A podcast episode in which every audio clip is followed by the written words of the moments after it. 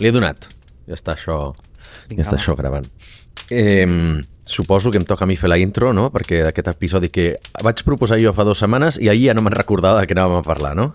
O sigui, a veure, és que això és molt greu, Àlex, això és molt greu. O sigui, que el dia anterior m'hagi d'assabentar que això canvia l'horari de foc a terra perquè tu et fotis una botifarra amb seques és de com a poc targeta groga, eh? Vaig acumulant moltes targetes grogues, crec, a foc a terra, però...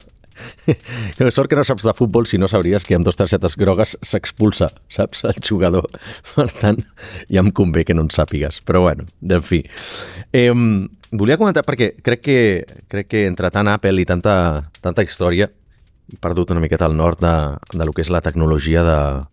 O, no sé si la tecnologia o la part de, la part de negocis del carrer, no? del que afecta a la gent que està creant empreses, doncs com tu i com jo. I m'agradaria parlar de com està, com està el pati.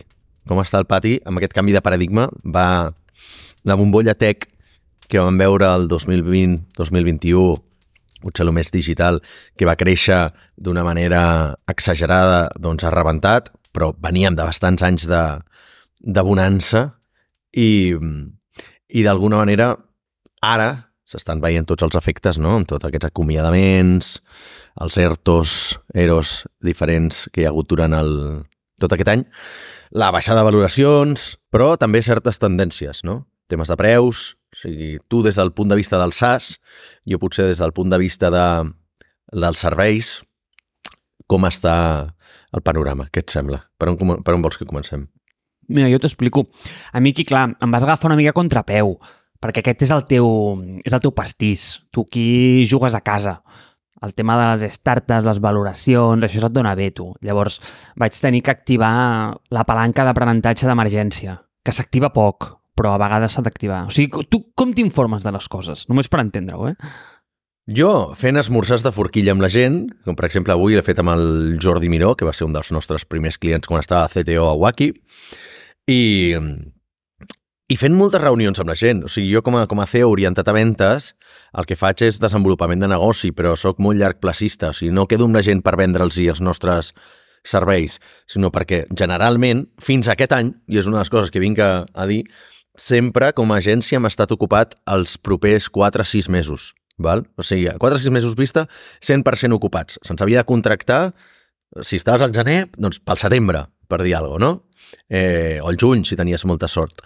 I aquest any ha canviat molt, no? Aleshores, clar, eh, per això porto 9 anys de fer de jugar a llarg plaç i les meves, la meva informació surt d'anar quedant amb gent, anar fent cafès amb la gent, anar fent botifarres amb seques per esmorzar amb la gent, vull dir, dinars, eh, anant a convencions, esdeveniments, donant xerrades, vull dir que al final aquesta és la meva, la meva feina, no? Perquè, eh, com, a, com deia, no? com a CEO orientat a ventes, he d'aconseguir ser top of the mind, no? el primer nom que et vingui al cap quan algú pensa en desenvolupament. Hòstia, doncs eh, l'Àlex, no? en Marsaist. I aleshores això fa que quedi amb molta gent per absolutament cap tipus d'objectiu curtplacista. I aleshores doncs, acabes patant la xerrada i d'allà, d'aquestes converses, és on surt tot el... Bueno, com està el pati, no? Hòstia, sembla ser que ara ve una rotació de CTOs a Barcelona perquè cada 3 anys doncs, eh, marxen en massa molts d'ells i el que estava a no sé quina empresa passa a aquesta altra i, i hi ha com un, un, joc de, un joc de peces, no? Què més hi ha? Doncs baixades de preus, què venen? Acomiadaments, etc etc. Així és com m'assabento de les coses. Tu no, tu truques a la penya, pel que veig. Estàs com el CIS. Oh, no, però és que és molt, és molt interessant això, perquè el teu procés de documentació per foc a terra és extremadament placentero. El que no entenc és com no ho fas més sovint, macho. Però si és la hòstia. Hauria d'estar tot el dia documentant-te. Però estaria com Joan Laporta, saps? Vull dir, si... ja vaig camí d'això, vull dir que avui ja puc sortir a córrer després de gravar aquest podcast, perquè s'ha de cremar, s'ha de cremar aquest esmorzar.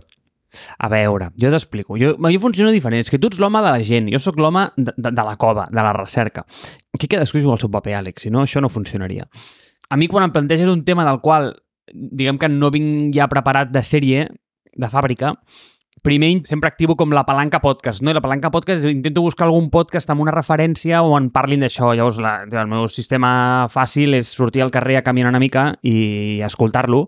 I vaig, vaig amb una llibreteta. A vegades semblo bastant imbècil, perquè paro pels llocs a apuntar les coses, perquè si no se m'obliden. eh, l'altre després és buscar un bon llibre, també, que parli d'això. El que passa és que, clar, el tema, com que la cadència és, és setmanal i a vegades em canvies el tema mitja setmana, no puc fiar-me molt del llibre perquè porta generalment més temps. Però la meva palanca d'emergència és que jo tinc aquestes llistetes d'amics coneguts que es dediquen al ram de X, no? Mm, inversors, emprenedors, mm, gent que es dedica al món de, de l'automoció, el que sigui, no? I llavors, jo, quan l'Àlex em diu, hòstia, Marc, hem de parlar de startups, jo obro la llista dels VCs i faig unes trucadetes o uns cafès a falta de botifarra.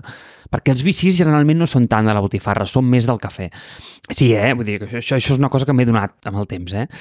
Són, diguem que són gent més, bueno, que, que manté una mica més les formes o, o, o les vol fer mantenir més. Llavors, vaig trucar aquests amics meus del VC i vaig fer una mica de recerca sobre el context actual de com està, de com està la cosa.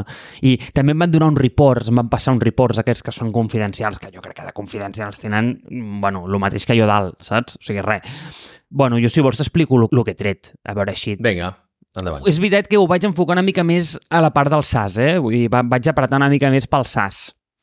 O sigui, com que em resum, en resum, el que em van treure és que a veure, primer et venen com les bones notícies i et diuen, no, això està anant a millor, nen, perquè en el Q2, tu, la inversió amb sèries A, sèries B, sèries A, sèries B, són els tipus d'inversors sobre els que jo tinc accés, més o menys. Vale? Eh...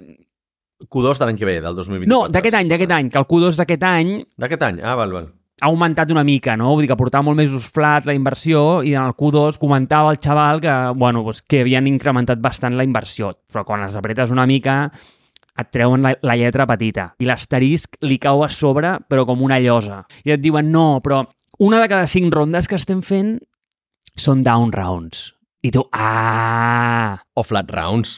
O extension. O bridge. Sí, exacte, exacte. Espera, espera, una cosa perquè això és important. Jo crec que, és que clar, aquí igual estem tirant com molts tòpics o temes que possiblement hi hagi gent que no sàpiga el que és. I llavors, i jo crec que per explicar el que és un down round, per posar-ho en termes, no sé, digues tu, eh, però per posar-ho en termes com molt simples, jo crec que bàsicament és el és l'homòleg financer de ser com una estrella de rock que després de tocar el Sant Jordi et diuen que el teu següent geek és en una festa d'un nen de compleanys al Chiqui Park, saps? És boníssima aquesta, Marc. És boníssima. Sí, sí, sí.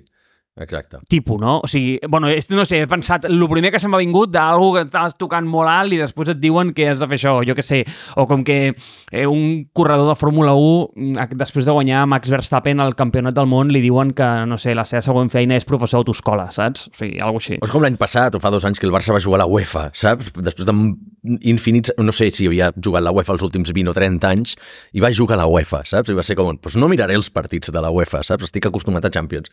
Però bueno, sí. Para, stop, stop això, no estic d'acord. Amb aquest exemple no estic d'acord. Mira, és que això ho vaig dir tantes vegades i no ho entenia. A veure si tu em fas canviar d'opinió, macho, perquè ningú m'ha de canviar d'opinió. És com allò de ser com el millor peix d'una un, eh, peixera molt petita o ser... Sí, ser un, ser un tauró en un, en, un esta, en un estany o ser un peix en un oceà, no? Vull dir... Exacte, no? Llavors, a veure, tio, si ja veus que la Champions no la vas a guanyar i que t'eliminaran a quarts i que no passaràs a la història, per què no em guanyes la UEFA, que és molt més interessant? És a dir, si tu em preguntes qui va quedar eliminat a quarts l'any passat de la Champions, no se'n recorda ningú. Però qui va guanyar la UEFA, segur que te'n recordes. Llavors, és aquest punt de dir, hosti, si saps que no, que no arribaràs, i ja sé que molta gent em diu, no, és que hi ha diners, et guanyes la reputació, tal, que a puta merda, tio. Tu el que vols és que aixecar la copa aquesta. O sigui, ningú sortirà al carrer a celebrar que estat tan eliminat de quarts, però molta gent sortirà al carrer a celebrar que has guanyat la, la UEFA. Fins aquí la meva opinió futbolística. Val, això és per la part de... Clar, has explicat com t'informes, però aquí quins són els, els, uh, les coses, la intel que has tret de temes de SAS, per exemple. O sigui, què els hi espera a gent de SAS? Ah, ah, merda, és veritat, perdó. És que... Et despistes, tio. És que, Déu, Àlex, és que ens fotem en unes tangents, macho, que... que... Penses de futbol i et despistes, tio. Perds el nord. No, perquè hem començat amb el Rockstar, que, que estava a la festa dels compleanys, i, i el Verstappen, que era professor d'autoescola, i, tio, i ens n'hem anat, vale? O sigui, però tornem, tornem. És a dir, hi ha més inversió, la majoria són amb rondes down round, que és una putada, mm, perquè ja he sigut emprenedor i he tingut a fer una que li vaig bé, mm, perquè és molt complicat gestionar un cap table quan tens mm. un down round, però el resum, resum, és que els requisits i les condicions que s'estan donant a les companyies de SaaS a dia d'avui són una autèntica barbaritat. És a dir, abans donaven pasta a qui tingués un negoci que venés fer Frankfurts a la cantonada, ja li deien SaaS, si els venien a, a una empresa. Mm, Ara no. O sigui, ara, doncs, jo què sé, mm, em va donar mètriques molt concretes, no? O sigui, per exemple, temes de requisits. Abans, eh, només que estiguessis, per exemple, eh, amb un milionet, milionet i mig d'ARR, també per posar-ho en termes plans és eh, els diners que fots cada, cada any amb, amb subscripcions, amb allò ja aixecaves una sèries A.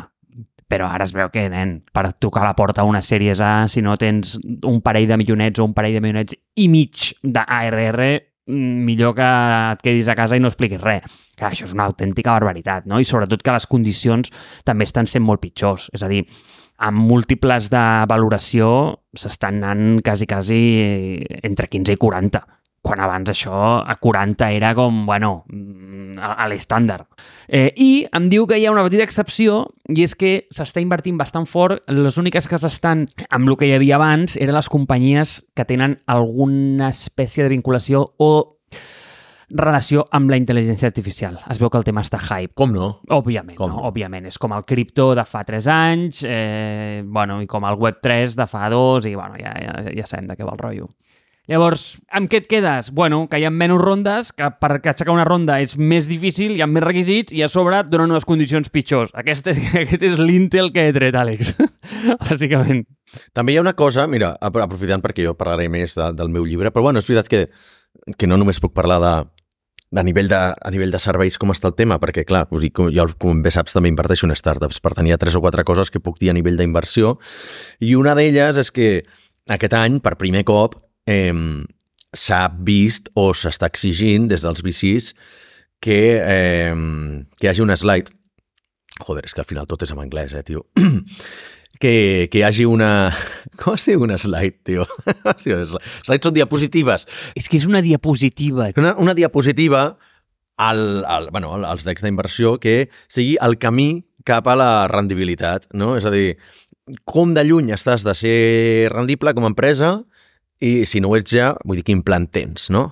I que es veu que empreses que no estan... O sigui, que s'està aconsellant que estiguis com a uns sis mesos de la rendibilitat. Com bé sabem, històricament les startups sempre ha estat un tema de... Eh, són empreses que no paguen dividends perquè generalment van a, van a pèrdues, o sigui, aixequen capital, inverteixen tot en creixement, creixement, creixement, i algun dia doncs, esperant a fer el, el petardazo aquest de doncs, poder vendre's o poder sortir a, a bolsa, no? I aleshores per això no reparteixen dividends perquè en realitat doncs, has d'invertir molt en créixer molt, generalment són models de negoci que, que tenen sentit a escala i no, no en petites dimensions. Però clar, què passa? Que de vegades, o sigui, quan fan històricament aixecar escalers per fer, per fer totes aquestes històries, et donaven el que se'n diu el runway, no? el temps de vida que tens d'uns 18 mesos, entre 12 i 18 mesos. Si ets molt bo com a emprenedor i estàs acostumat a aixecar pasta, 12 mesos. Si ets més novell, doncs eh, 18, inclús 24. No? Eh, però, però, però, generalment ja s'assumia que doncs, cada X, o sigui, cada any aniries a aixecar més pasta perquè, doncs, bueno, necessites més, cremes molt, cremes molt, cremes molt. I no hi havia cap tipus de de- d'escrutini amb el tema aquest de dir, bueno, o sigui, o sigui tu els hi podies dir, sí, jo, jo seré rendible com a empresa a partir del cinquè any, a partir del setè any, i tothom t'invertia igual, no? Està bé, Depèn. Per mi, ja ho saps, moralment no, però eh, amb els calés dels altres, doncs, bueno, hi ha gent que se sent molt còmoda fent aquest tipus de, de malabarismes. Però és veritat que sense, sense aquest tipus d'empreses doncs, no hauríem tingut certes innovacions perquè fent amb el dia a dia doncs, tampoc és possible. No? Però avui en dia, com que sembla ser que el mercat està més escanyat, els VCs no estan retornant la pasta als, als seus inversors, busquen més retorns, eh, retorns més, eh, més a curt plaç, doncs què passa? Que no estan donant tanta pasta a la resta de gent. I el que s'està demanant és que demostra'm que pot ser rendible. Aleshores, les empreses en aquests últims any, any i mig, per això hem vist tants acomiadaments i tantes cancel·lacions de projectes i etc etc és perquè han hagut d'ajustar-se i dir, val, què fa falta per estar a prop de la rendibilitat? Què fa falta per, fer, per, per ingressar més del que estic gastant, no? Generalment la gent ha dit, doncs faig fora gent, no? Cancelo línies de negoci, tanco oficines, eh, retallo despeses, etc etc. i aleshores ara ens estem movent, o les startups s'estan movent en un marge de sis mesos a la rendibilitat.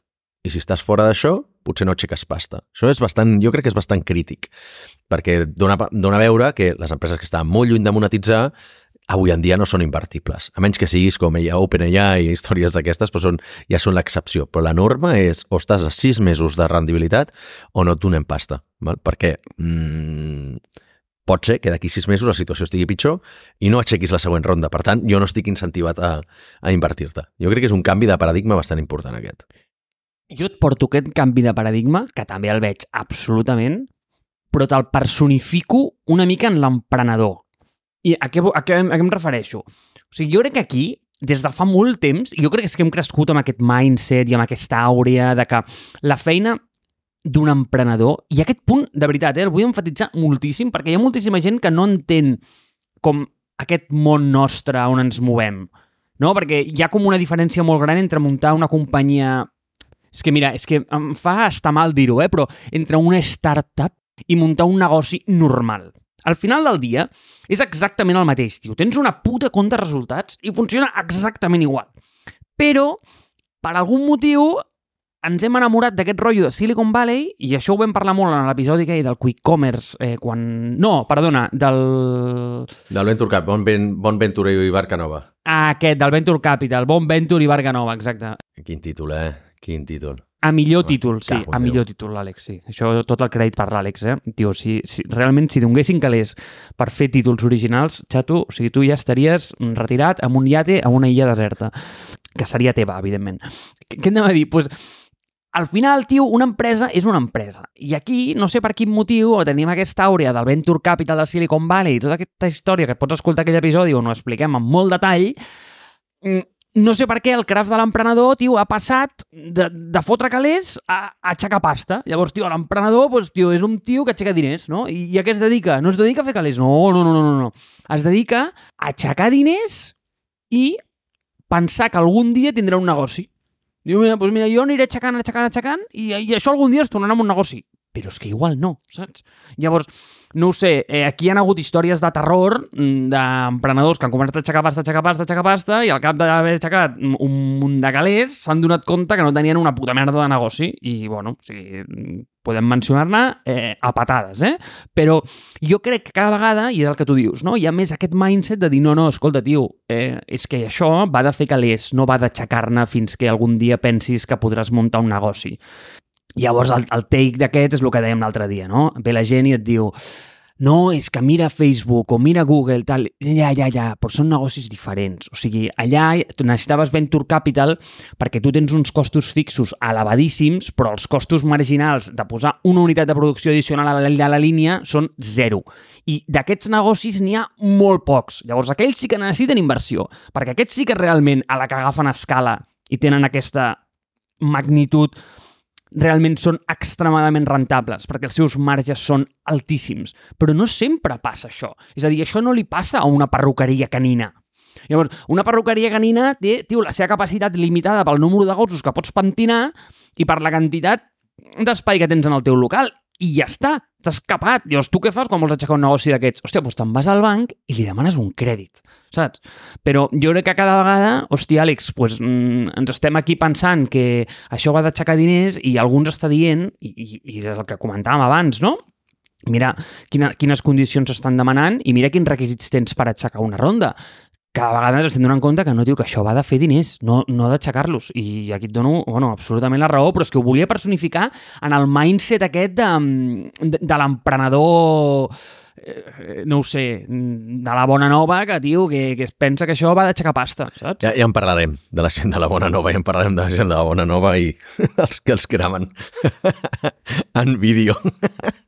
eh, no, però és curiós, o sigui, a veure, tradicionalment, per què existeix el Venture Capital els Business Angels? Perquè a una empresa que no factura, una empresa de nova creació, en la que molts cops és la teva primera empresa i tot això, un banc tradicional no et dona crèdit. Per tant, és un finançament alternatiu. Fins aquí, tot el que tinc eh, de trencament de llança a favor de, de les startups i d'aquest tipus de finançament.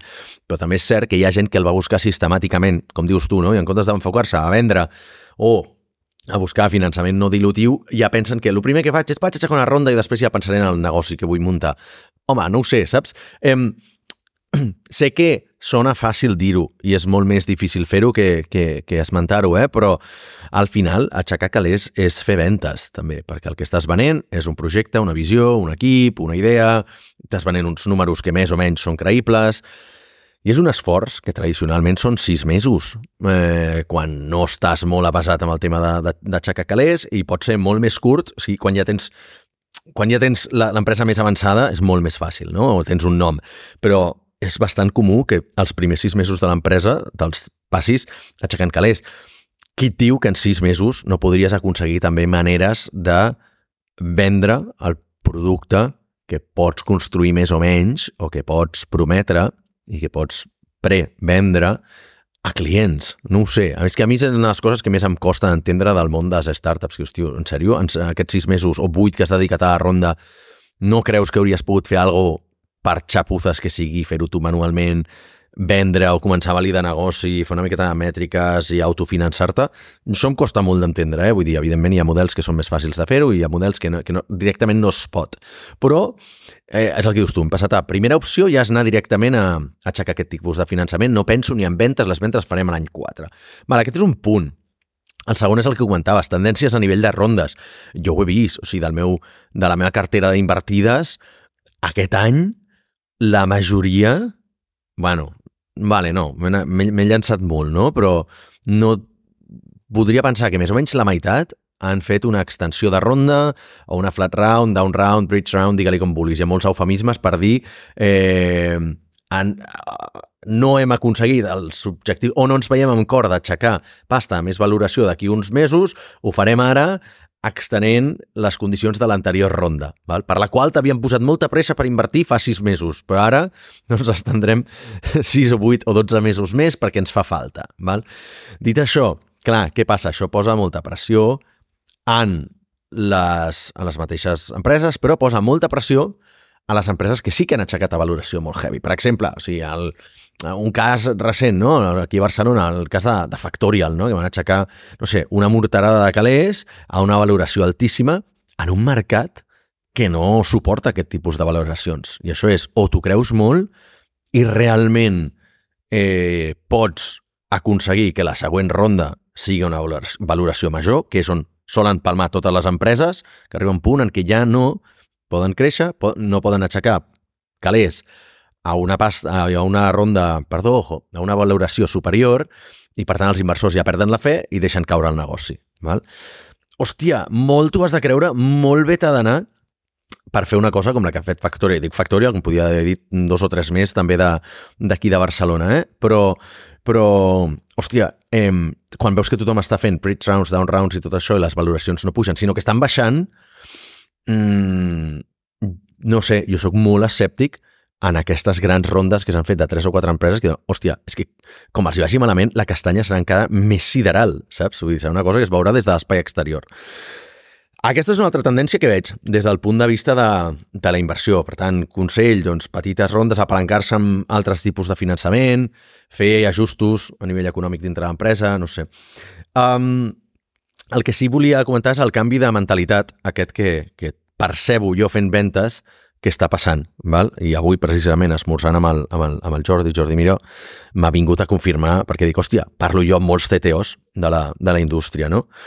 I en tant que directors tècnics, doncs, subcontracten coses i una de les coses que he vist a l'últim any i mig, per exemple, o sigui, és que molts dels nostres competidors, per no dir tots, han desaparegut. Val? Doncs, va, clar, és que alguns no són públics, per tant no ho puc dir, no? Però Eh, però vull dir, dintre dels competidors de, de l'escena de, de Ruby o empreses boutique com la nostra, no? que són més cars però fem les coses millor que les empreses genèriques, totes s'han palmat, o s'han venut o, o s'han desbandat. No? I, I clar, d'alguna manera ens hem quedat com els únics que fan les coses bé i són cars. I aleshores penses, la primera cosa que penses és, ah, això és positiu, perquè aleshores tothom et recomanarà perquè no tenen opcions. No abans una persona com el Jordi, que tenia algun projecte per subcontractar, l'enviava a nosaltres, a Codegram, a Mobile Jazz i a no sé quina altra empresa, perquè sap que són quatre empreses que fem les coses bé i diu, bueno, el que faci millor proposta i tal, doncs sé que anirà bé. Val? I diu, si no existeixen tots aquests, el primer pensament que tens és, ah, ara ja em caurà tot a mi. Val? I és una miqueta el que va passar els primers mesos. I, de fet, algunes d'aquestes que han xapat ens han passat clients a nosaltres. Guai. I passarà, ja no reben més clients, ja no ens en passen. Per tant, el deal flow és limitat. Però el que no havia caigut amb això és que, clar, abans competíem amb empreses amb igualtat de condicions. I posa que, igual, aquestes quatre empreses ofertem per un projecte més o menys entre un rang de 100 i 150.000 euros pel projecte. Però la desviació és molt poca. No? Dius, hòstia, un fa 110, l'altre fa 115, l'altre fa 123 i l'altre fa 132. Val. Estan als mateixos rangs. Val? No és desorbitat, no has convidat una empresa generalista que igual te'l tiraria 80. Clar, com que no hi ha molta disparitat, no apliques allò de dir, vale, el més car i el més eh, barat fora del concurs, que és generalment el que se sol fer. Quan hi ha un concurs públic, per exemple, doncs eh, es fa doncs, una, una, una campana de Gauss i els que estan fora del 80% o, o d'això, que tenen una desviació més exagerada, doncs se'n van fora per no desvirtuar. No? Tu ets massa barat, fora. Tu ets massa car, fora. Ens quedem només amb el del mig perquè pensem que allà és on s'ha estimat correctament el projecte. I ara ens trobem que anem a, a concursos o a, a propostes de projecte on competim contra tres altres empreses que són genèriques low cost, perquè són les que estan quedant. Con la qual ara som nosaltres el més car. I se'ns elimina automàticament. O sigui, no és veritat que sigui bo eh, ser l'únic, és bo tenir competència per aquest tipus de coses. I, hòstia, mmm, això ens ho estem trobant, val? És molt curiós el que dius, perquè és un crim d'omissió absolut. Tu no has fet res, sinó que ha sigut els altres que han canviat, o, bueno, o, o s'han borrat de l'equació i això t'ha mogut a tu cap a un cantó de la campana sense haver fet res. O sigui, és com que la, la pròpia incompetència de la teva competència t'ha portat a tu a estar a l'extrem alt de la campana. Tio, és curiosíssim aquest tema, és fascinant. És, Sí, sí, sí. És d'aquestes coses que te n'adones ara que quan, quan tothom una miqueta va despullat, no? I te n'adones, o quan el que diuen, no? Quan, quan para la música i dius, hòstia, doncs no hi havia suficients cadires per tothom, no? Eh, dit això, per donar context, el, els primers nou anys d'empresa, més o menys, eh, a grans números, però per sobresimplificar-ho, signàvem un o dos contractes anuals o semianuals, no? 6 mesos, 12 mesos, i amb això fitxàvem dos o tres desenvolupadors i creixíem un 30% anual. Fàcil poca feina per mi, molta més feina per l'equip, però generalment així ha estat els primers 9 anys de Marsbase, no? I dius, hòstia, doncs bé, relativament senzilla en aquest sentit, puc dedicar-me a jugar al llarg plaç, a anar a esmorzar amb la gent, perquè dius, hòstia, si no surt alguna ara sortirà l'any que ve, però bueno, ja em va bé, no? Aquest any portem signats 10 contractes. O sigui, portem signats més contractes aquest any que en els últims 3 o 4. Per què? Perquè la tendència de mercat és anar a fraccionar contractes i fer-los més petitets, i fer més proves pilot, i fer més un test d'un mes. I tot i que hem signat grans comptes, com per exemple treballem per Boston Consulting Group, no? ens envien projectes de 3 setmanes, ara un de 4, ara un de 8. Hòstia, per què? Perquè amb tota aquesta... el que dèiem abans, no? O sigui, tornant al, al concepte al principi de, de, de la rendibilitat. No és que Boston Consulting Group tingui uh, temes de, de pasta, val? No, no tenen problemes, però segurament han de portar una PNL molt més acurada a nivell mensual, ja no trimestral o anual. I en el mensual és molt més fàcil justificar una despesa de 50.000 euros per 4 setmanes de feina que un projecte de 500.000 euros eh, que sigui anual, val? O, o, o, o de 6 mesos, val? perquè clar, doncs en aquell mes, doncs, bueno, doncs més o menys sí, els surt bé aquell mes, però no hi ha una despesa inicial de, doncs això, de cop i volta 500.000 euros que els hi desvirtua tot un trimestre. I aleshores prefereixen fraccionar-ho i anar contractant una miqueta amb comptagotes. Això passa a les grans corporates, hem vist també reducció de tamany de projectes, hem vist cancel·lació de projectes, posposar projectes, eh, una miqueta com els, els contractes aquests de, en pràctiques prorroga, prorrog, eh, prorrogables indefinidament, no? déu nhi sí que ha canviat molt el mercat i, i a nivell de, a nivell de serveis, eh, generalment durant les crisis és quan les empreses de serveis ens va bé, diuen. Nosaltres, per exemple, la pandèmia ens va anar superbé en aquest sentit, malgrat tot, però aquesta es veu més complicada. O sigui, realment la competència serà molt més ferotge perquè precisament ens hem quedat sense competència i anem a competir amb gent amb la que mai havíem competit, que són els low cost, perquè ja no queda gent del nostre rang de preus, almenys a Espanya. Vull dir, fora d'Espanya sí que sí que n'hi ha. Vull dir que potser ens toca fer més esforç de, de vendre fora perquè aquí serà, serà impossible.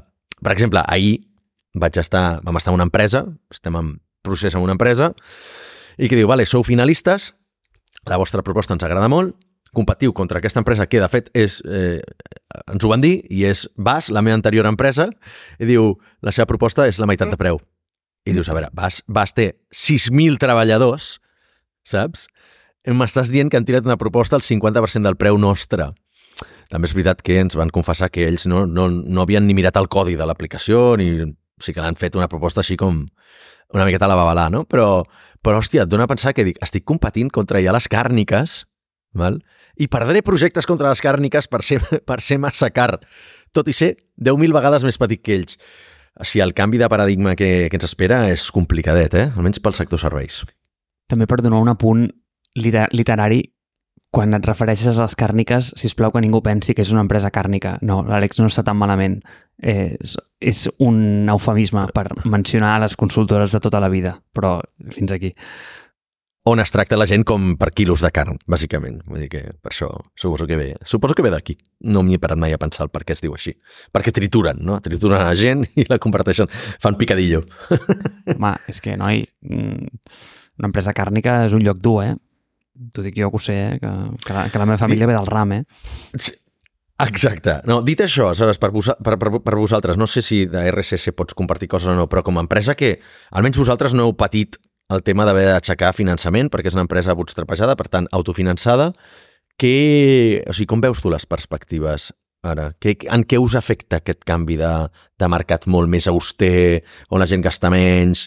Eh, no sé si us ha augmentat el, el, el, les cancel·lacions de subscripcions, on la gent demana més descomptes, eh, heu, no pujareu preus... Vull dir, no sé, què ens pots explicar al respecte? Sí, no, jo puc explicar tot. Mira, és que RCS és una companyia molt especial.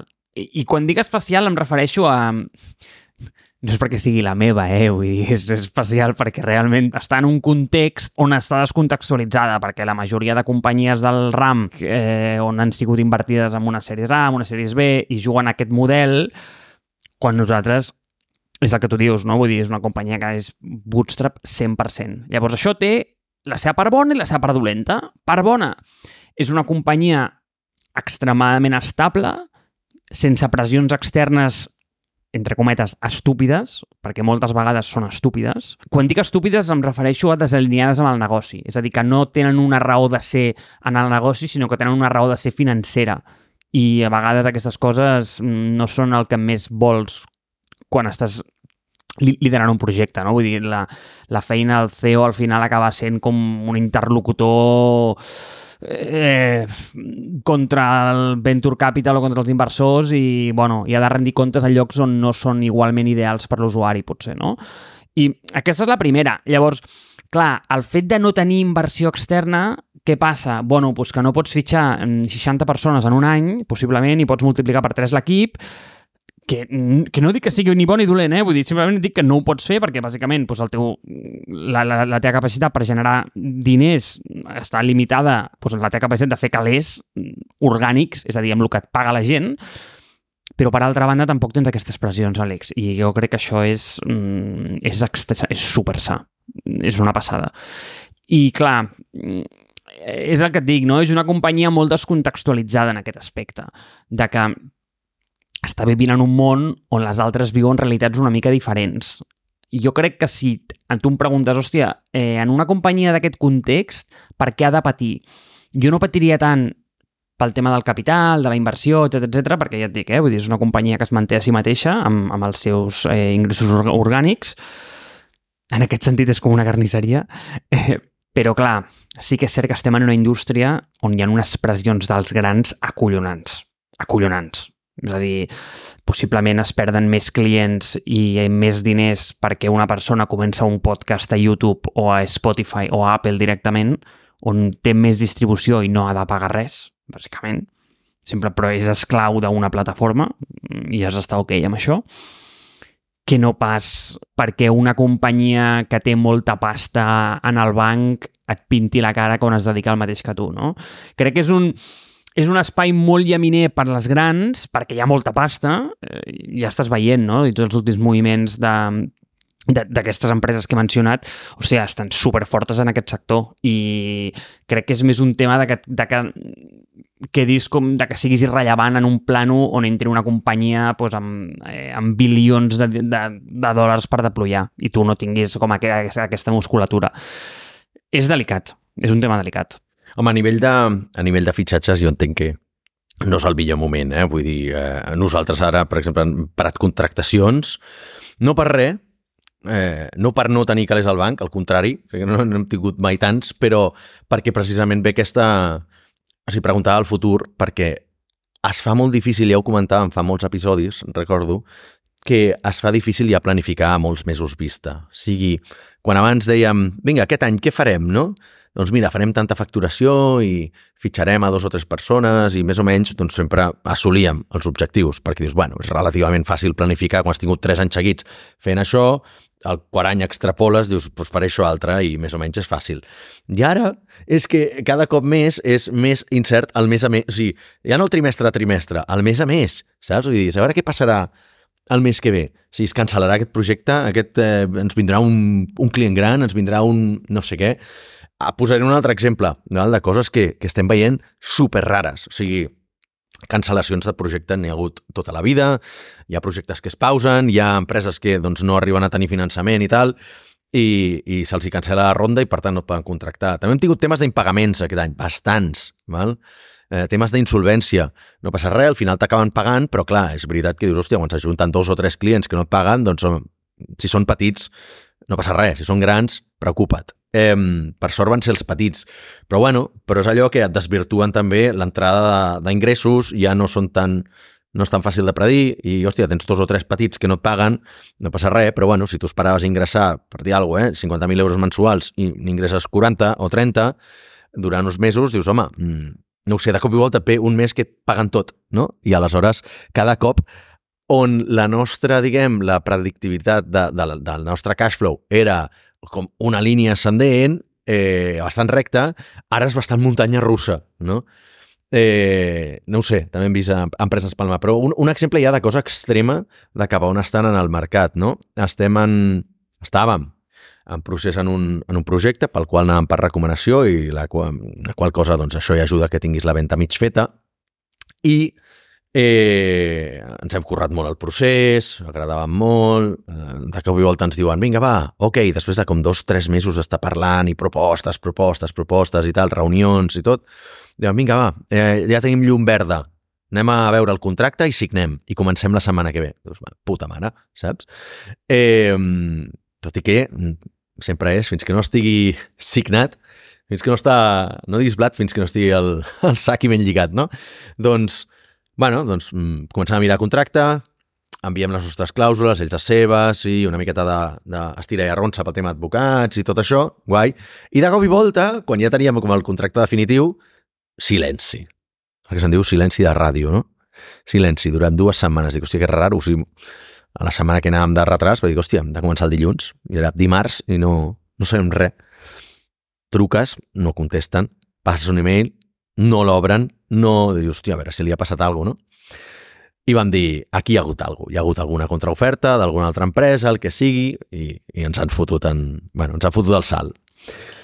I a la setmana següent, o sigui, truco, aconsegueixo posar el CEO al d'això i dic, escolta, tio, però què ha passat, saps? I, eh, no, perdona, tal, tal, tal, vull dir, mala gestió de comunicació, però es veu que una de les altres empreses contra les quals competíem, que ja havia estat descartada, va fer una oferta de, el que se'n diu, de derribo, però no allò que dius, va, va llançar la meitat de preu. Estem parlant d'un projecte que eren com 600.000 euros, eh? és un projecte molt gran per nosaltres.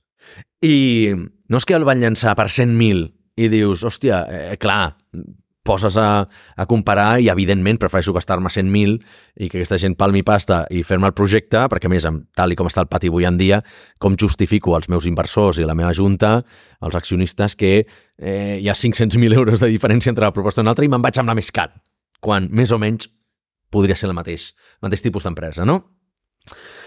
No, no, és que directament van dir paguem per fer el projecte. O sigui, han pagat per fer el projecte perquè li veuen un retorn a llarg plaç i han dit, no, no, ens posem com a inversors, o sigui, han invertit per fer el projecte. O sigui, és una cosa molt boja. No sé si, si també, també hi ha algun preu, però dius, home, si tu inverteixes, però jo què sé, per dir alguna 200.000 euros en el projecte, per molt que després, clar, has de posar un preu. Per tant, és diner que torna en un circuit tancat. És una cosa molt estranya, molt obscura i, i no ho havia vist mai. Jo crec que és producte de la desesperació aquesta de... A veure, desesperació no, si pots permetre't invertir per guanyar un projecte, per, per anar així, vol dir que pas te'n tens. Però potser en tens al curt plaç i no en tens a llarg plaç. No ho sé, no, no ho entenc i per mi és un, un, un altre exemple de com de desesperada està la situació que les empreses estan començant a pagar per entrar en els projectes. O sigui, és una bogeria. O sigui, això ja sí que ho he trobat de jutjat de guàrdia. Bueno, si em recorda una mica el... durant tot aquest període d'interessos negatius en el qual bàsicament tenies que pagar per tenir els diners al banc, pràcticament. I, i, i això és quasi, quasi el mateix. O sigui, és que estàs pagant per aconseguir un projecte. Això sí que, hòstia, això és tenir més llarg plaç que um, botifarra que el boter, eh, per això. Però en una altra hora de magnitud, com ja pel fundador de, de, del, del carrer, pel fundador de barri, si et poses el barret aquest més de l'Àlex amb inversor més que emprenedor, o sigui, amb quins tipus de projectes o fundadors t'estàs fixant tu? Com a inversor? Sí. A veure, ara estic invertint molt poc, eh, també perquè després de, doncs, de 30 inversions un vol veure retorns, no? I, i 7 anys, 8 anys invertint, doncs eh, també és veritat que dius, potser de posar una miqueta al fre i començar a veure, veure retorns, que algun ja n'estem veient i per tant tampoc em puc queixar, no? Però si he de triar en qui invertir avui en dia, primer seguiria molt més, seria molt més fundamentalista amb les meves tesis. És a dir, generalment, doncs, ja ho saps, inverteixo en, en B2B o empreses que són B2C però que estan molt a prop del B2B, ells no ho saben encara, eh, no són gent de primera empresa i ha de ser empresa tecnològica. Què passa? O una empresa on jo pugui tenir un cert impacte. He estat relativament laxa amb aquests criteris durant els anys i he invertit doncs, en un restaurant de milaneses, he invertit en una empresa de Crecepelo, com qui diu, he invertit en coses que són B2C i he invertit en gent que era la seva primera empresa, quan generalment no, no sobre el paper no hauria de fer. Doncs ara sí que estic ja descartant directament totes aquelles que no compleixen amb això. També et diré que, clar, també m'estic focalitzant molt més en invertir temps, inclús en el, algo de pasta en fer aquestes rondes d'extensió, no? aquestes flat rounds i tot això. En, en els últims sis mesos n'hauré fet set o vuit, per dir alguna cosa, val? Algunes les he descartat, perquè no me les creia, dic, no, això ja no m'ho crec més, i... però moltes d'elles ho he fet perquè dic, home, és un preu relativament petit per seguir connectat al joc, els ajuda a ells, i em crec el projecte, veig una millora de mètriques, veig una millora de producte, però gairebé que ara la pasta que tinc la, la invertiria més a les que tinc, tot i que sé que no és correcte, eh? per temes de cost d'oportunitat, però considero que ja tinc com un portfoli suficientment gran com per poder dir, vale, prou, em planto, no necessito fer una altra inversió de 1.000 euros, 2.000 euros, eh, perquè em canviarà el, el, el sistema. Potser aquests 1.000 o 2.000 els poso, els afegeixo en alguna que, que sigui una miqueta caballo ganador, en aquest sentit. I aleshores aquí estic bastant més tranquil. Però, com et dic, no, a nivell, a nivell tecnològic no seguiria molt les tendències, no invertiria en temes d'intel·ligència artificial a menys que l'equip porti 5 o 6 anys fent-ho, que és una de les coses, una de les... Mira, l'única nova que he fet aquest any, de fet, no, una de les dues que he fet aquest any és una que realment fa temes d'intel·ligència artificial generativa, es diuen Afloritmic, que han canviat el nom a AudioStack, eh, i el que fan és generació d'àudio per anuncis i per, per, per, per agències de màrqueting. Val? I el que pots fer és la veu dels anuncis de podcast, de tele, el que tu vulguis, generada en moltíssims idiomes, amb molts tipus de veu, accents, inclús està superbé la tecnologia. Eh, però clar, què em va agradar d'aquesta gent? Que és que eh, ells es van fundar el 2017, eh, porten molts anys fent això, ja s'han fotut totes les hòsties. Ara s'estan beneficiant d'aquesta gran onada de la intel·ligència artificial. No s'han no sumat al carro ara i comencen i han de descobrir coses. Per tant, en aquest sentit, sóc bastant conservador. No inverteixo en la nova tendència, no ho he fet mai, saps? Vull dir, si no vaig invertir en fintech quan fintech era la cosa més allò, o en NFTs o blockchain, tal, tal, tal, no.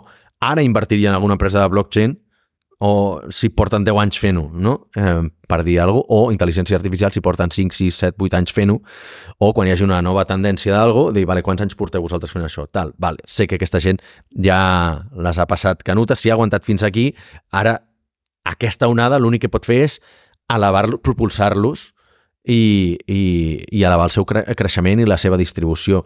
Només hi ha coses positives d'això, mentre que les empreses de nova creació en una tendència generalment són són molt etèries i pot ser que mm, en un any no, no existeixin.